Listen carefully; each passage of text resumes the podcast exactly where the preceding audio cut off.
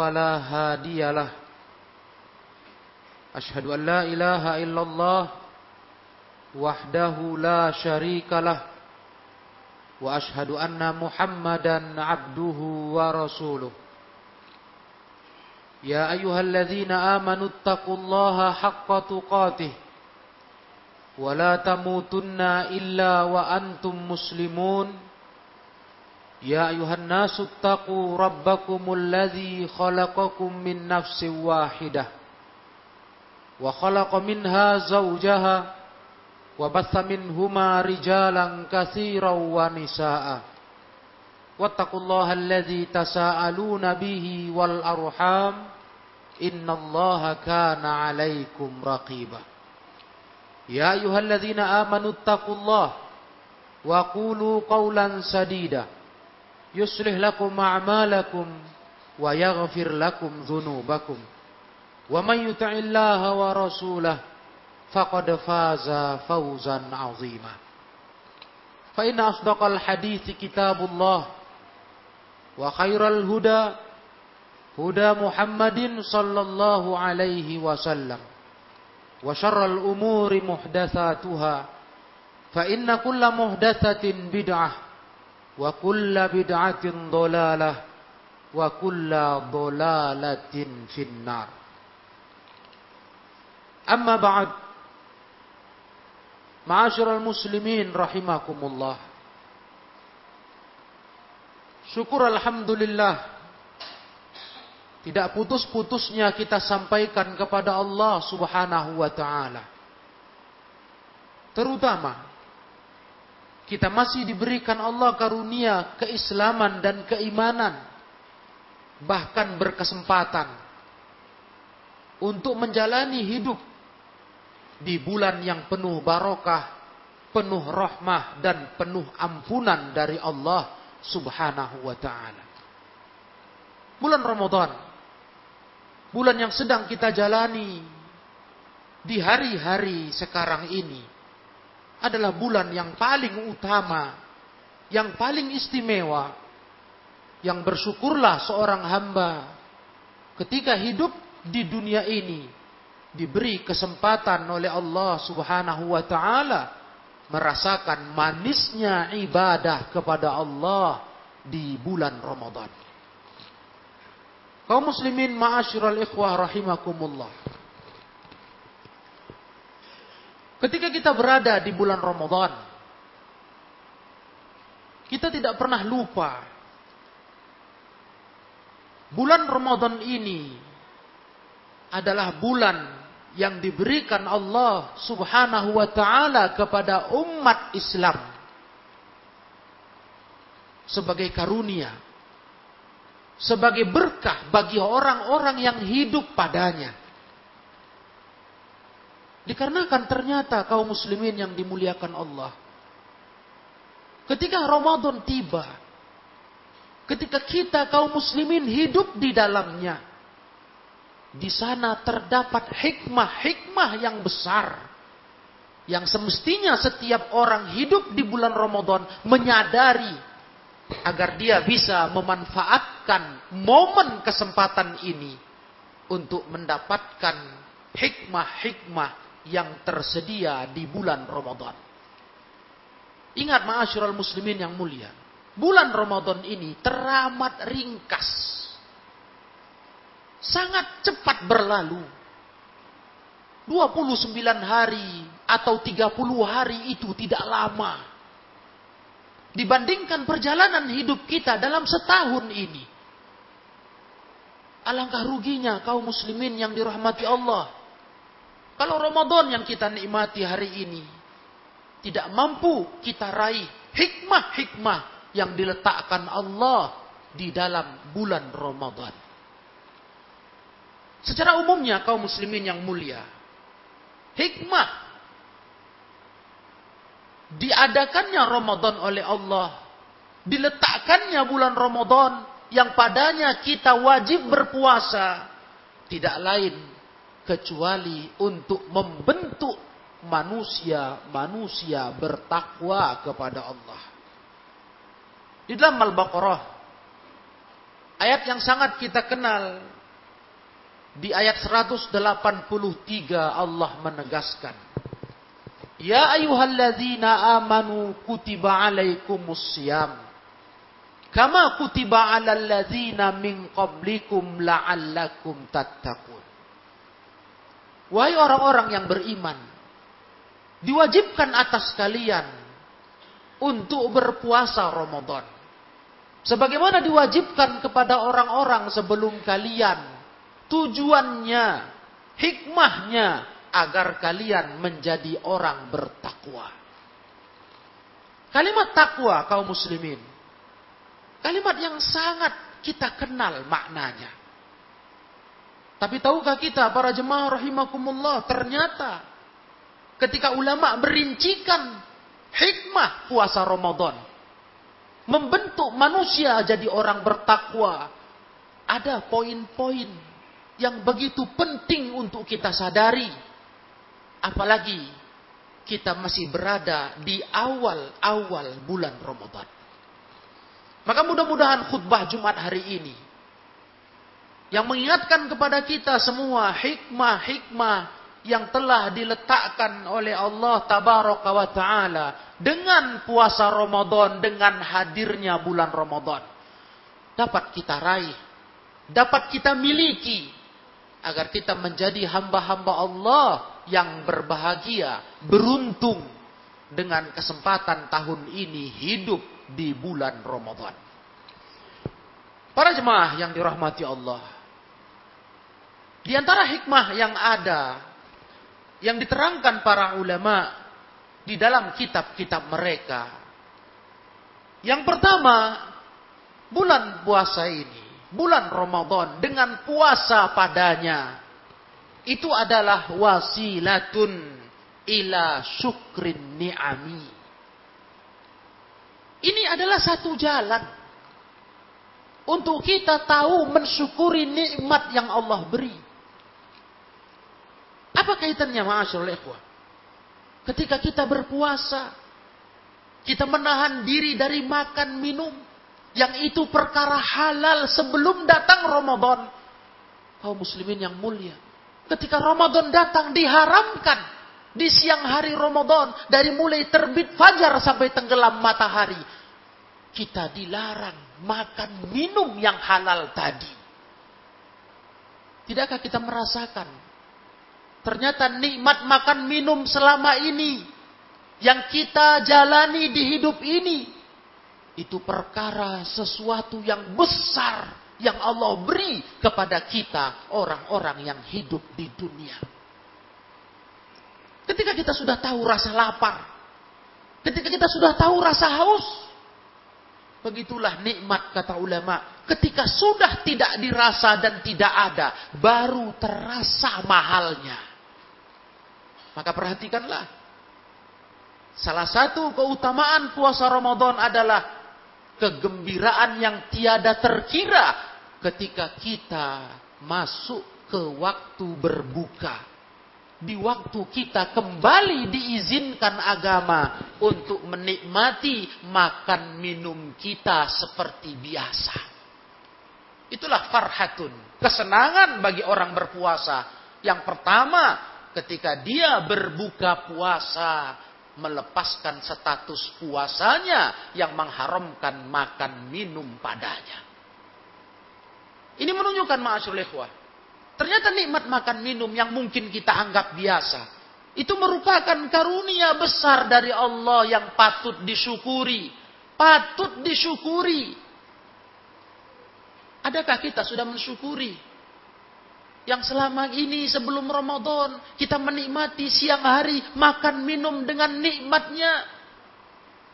Apa yang sudah kita lakukan bentuk syukur kita kepada nikmat itu ma'asyiral muslimin rahimakumullah. Karena sekarang terasa.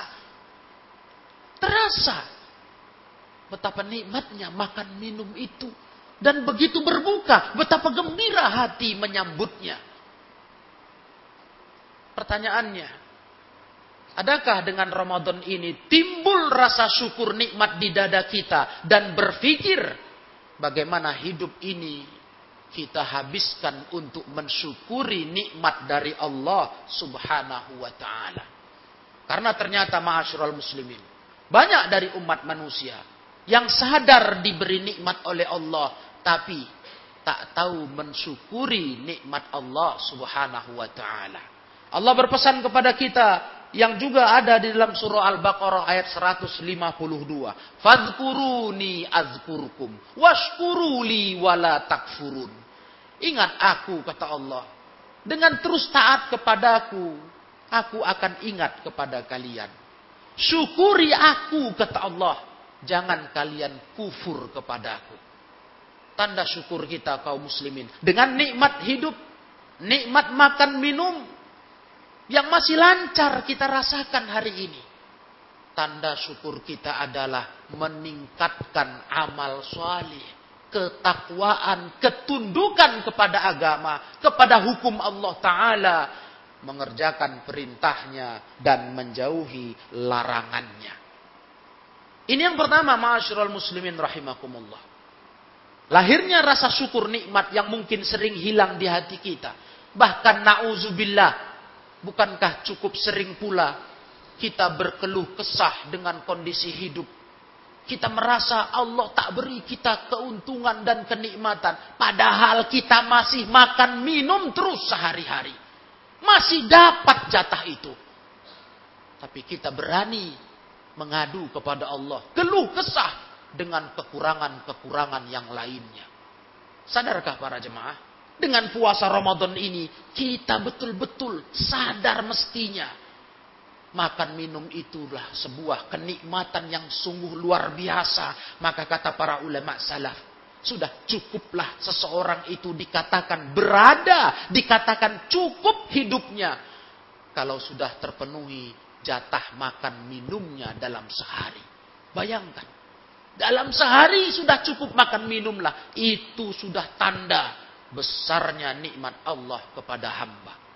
Tinggalkanlah para jemaah kufur nikmat. Tinggalkanlah keluh kesah dalam kehidupan.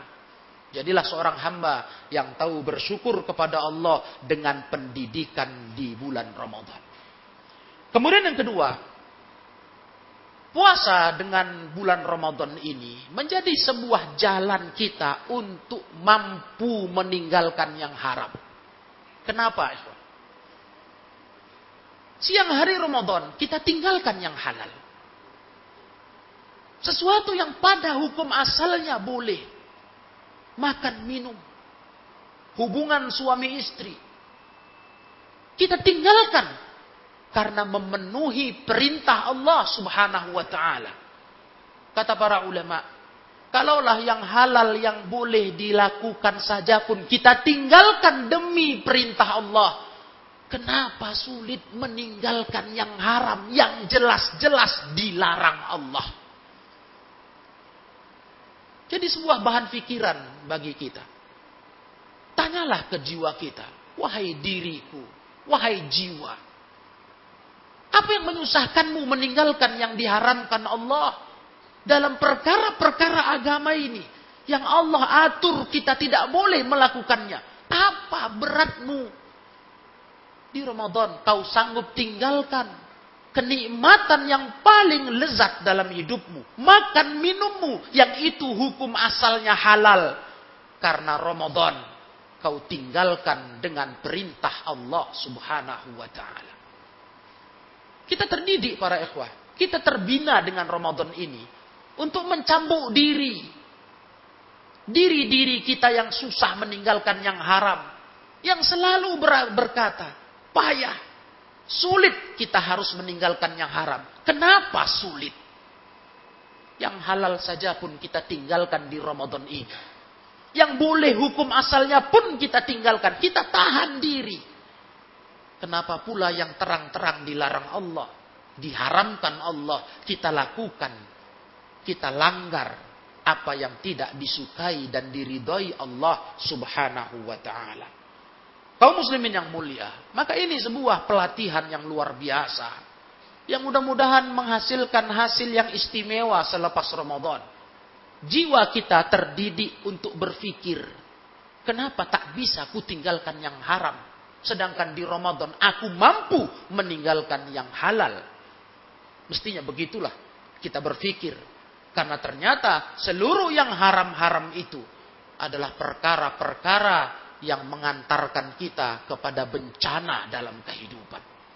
Masyarul muslimin yang mulia, ketahuilah pelanggaran-pelanggaran atas yang haram, atas dosa yang sering kita jatuh kepadanya, bermudah-mudah dengannya. Itu hanyalah mengundang bencana dalam kehidupan, petaka yang merugikan diri kita sendiri.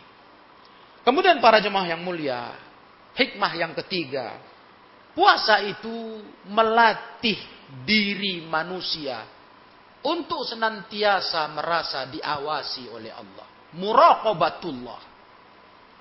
Sekarang apa yang menyebabkan kita mampu menahan diri dari pembatal puasa?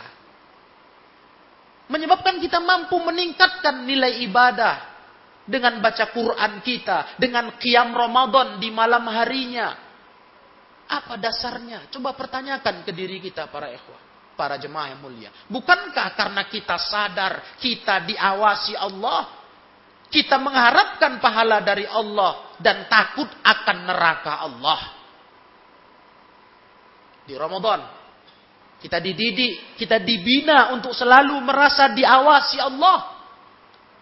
Inilah yang diharapkan menghasilkan hasil yang baik selepas Ramadan. Rasa terus diawasi Allah terus diawasi, dikontrol, dilihat Allah akan membuat kita menjadi manusia-manusia bertakwa kepada Allah Subhanahu wa taala. Para jemaah yang dirahmati Allah, di antara inti kerusakan dalam kehidupan manusia adalah kurang merasa diawasi oleh Allah. Maka dia berbuat sesukanya. Dia berbuat semaunya. Seakan-akan tak ada Allah yang melihatnya. Maka memunculkan rasa diawasi Allah. Memunculkan merasa terus dilihat Allah. Momen Ramadan ini sangat tepat untuk menjadikan kita orang-orang yang senantiasa merasa diawasi oleh Allah. Sungguh kaum muslimin yang mulia. Kita tinggalkan apa-apa yang merusak puasa. Kita berlomba-lomba meningkatkan ibadah-ibadah yang mendatangkan pahala. Itu semua karena kita tahu diawasi Allah tabaraka wa ta'ala. Takut kita meninggalkan yang diperintahkan. Takut mengerjakan yang dilarang. Karena kita merasa diawasi Allah. Maka begitulah hidup mestinya ma'asyiral muslimin. Terus merasa diawasi Allah terus merasa dikontrol Allah dan terus tahu Allah melihat kita. Pasti. Alam ta'lam bi anna Allah yara apa kau tak tahu? Allah selalu melihatmu. Apa kau tak sadar Allah selalu mengawasimu wahai manusia? Maka selalu merasa diawasi Allah adalah kunci kunci sukses kehidupan seorang hamba untuk senantiasa menjadi manusia yang bertakwa Inilah tiga poin kaum muslimin yang dirahmati Allah. Dari hikmah-hikmah yang begitu banyaknya yang disampaikan oleh para ulama di dalam kitab-kitab mereka. Yang mudah-mudahan tiga hikmah ini dapat kita raih ketika kita berada di bulan Ramadan ini. Untuk kemudian menjadikan diri-diri kita insan yang bertakwa dengan takwa yang sebenarnya. Betul-betul manusia yang takut melanggar larangan-larangan Allah dan takut meninggalkan perintah-perintah Allah Subhanahu wa taala di bulan-bulan berikutnya. Aku lupa hadza wa astaghfirullah li wa lakum wa lisairil muslimin wal muslimat wastaghfiruh innahu huwal ghafurur rahim.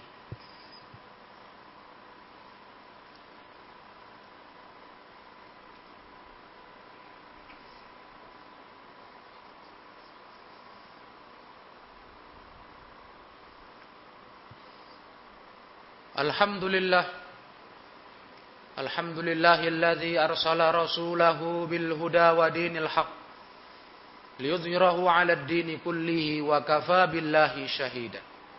أشهد أن لا إله إلا الله وحده لا شريك له وأشهد أن محمدا عبده ورسوله الذي لا نبي بعده.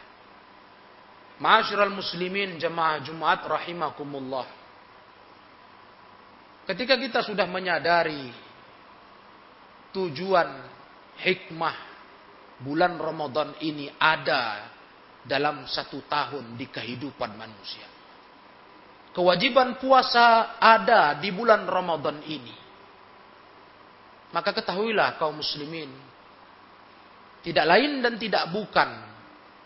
Allah tabaraka wa ta'ala menginginkan kita hambanya mampu meraih ampunan dosa dari apa yang kita lakukan di bulan-bulan sebelumnya. Karena memang ampunan dosa, masyarakat muslimin yang mulia, adalah perkara yang membuat manusia hidupnya bahagia. Sebagaimana tadi sudah kita terangkan, dosa itu petaka. Dosa itu bencana. Bukan kebahagiaan dalam kehidupan kita. Kesenangan yang ditawarkan dosa adalah kesenangan yang semu. Sementara, tapi akibat buruknya panjang. Mengakibatkan kesengsaraan dalam kehidupan. Maka di khutbah yang kedua ini saya ingin ingatkan keutamaan beristighfar. Memohon ampunan kepada Allah taala di bulan Ramadan ini lebih-lebih banyak lagi agar kita menjadi insan yang diampunkan dosanya oleh Allah tabaraka wa taala. Dan istighfar para ikhwah yang mulia ternyata betul-betul menjadi sebuah senjata untuk meraih kebahagiaan hidup dan menolak bala. Ramadan adalah bulan penuh ampunan. Yang sepantasnya kita terus banyak minta ampun kepada Allah Cari amalan-amalan yang bikin pengampunan dosa dapat datang ke kita. Dan cari ibadah-ibadah. Terus tingkatkan. Semangat terus sampai akhir Ramadan. Amalan-amalan yang mendatangkan ampunan dosa-dosa kita kepada Allah.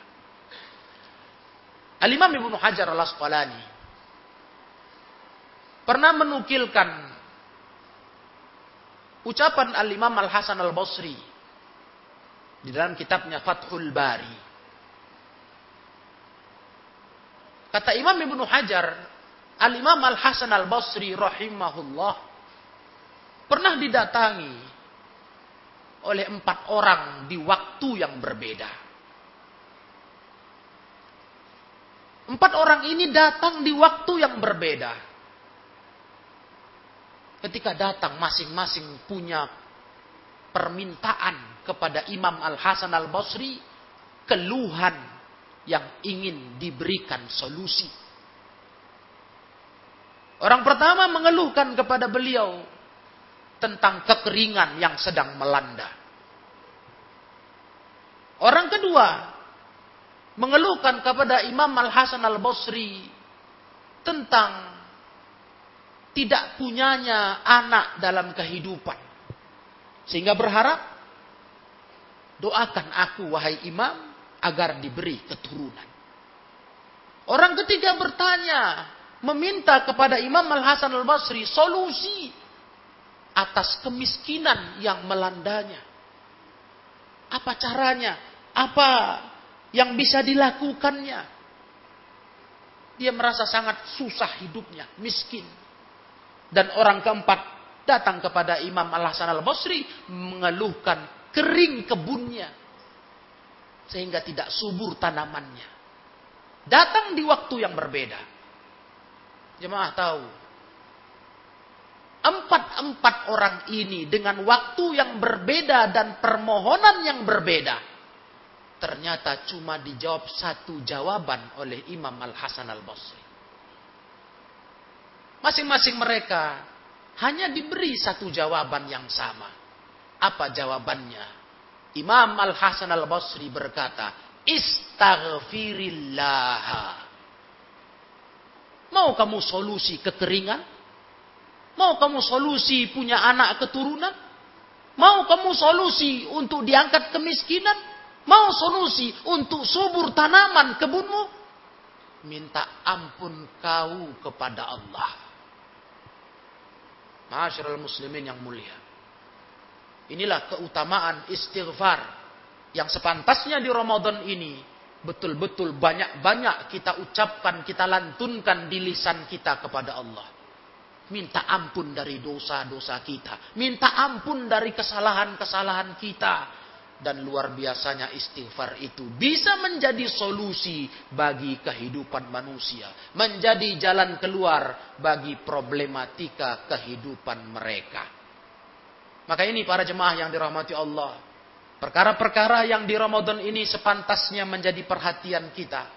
Agar kita mampu melalui Ramadan ini dengan segala semangat ibadah untuk mengerjakan perintah Allah, meningkatkan amal salih dan semangat menjauhi yang dilarang Allah, keharuman-keharuman dari Allah yang itu hanya mendatangkan petaka dan bencana dalam kehidupan kita manusia. Allahumma salli ala Muhammad wa ala ali Muhammad. Kama sallaita ala Ibrahim wa ala ali Ibrahim. Wa barik ala Muhammad wa ala ali Muhammad. Kama barakta ala Ibrahim wa ala ali Ibrahim fil alamin innaka Hamidum Majid. Allahumma ighfir lil muslimina wal muslimat wal mu'minina wal mu'minat. Al ahya'i minhum wal amwat. Innaka sami'un qaribum mujibud da'wat. Faya al-Hajat. Allahumma hdina ila siratikal mustaqim. Siratal ladzina an'amta alaihim ghairil maghdubi alaihim waladdallin. Allahumma ighfir lana dhunubana. Wa kaffir 'anna wa ma'al abrar. Rabbana سيئاتنا وتوفنا مع الأبرار ربنا ربنا تقبل منا صلاتنا وصيامنا وركوعنا وسجودنا وأتمم تقصيرنا يا الله إنك أنت الغفور الرحيم ربنا هب لنا من أزواجنا وذرياتنا قرة أعين واجعلنا للمتقين إماما ربنا آتنا في الدنيا حسنة وفي الآخرة حسنة وقنا عذاب النار والحمد لله رب العالمين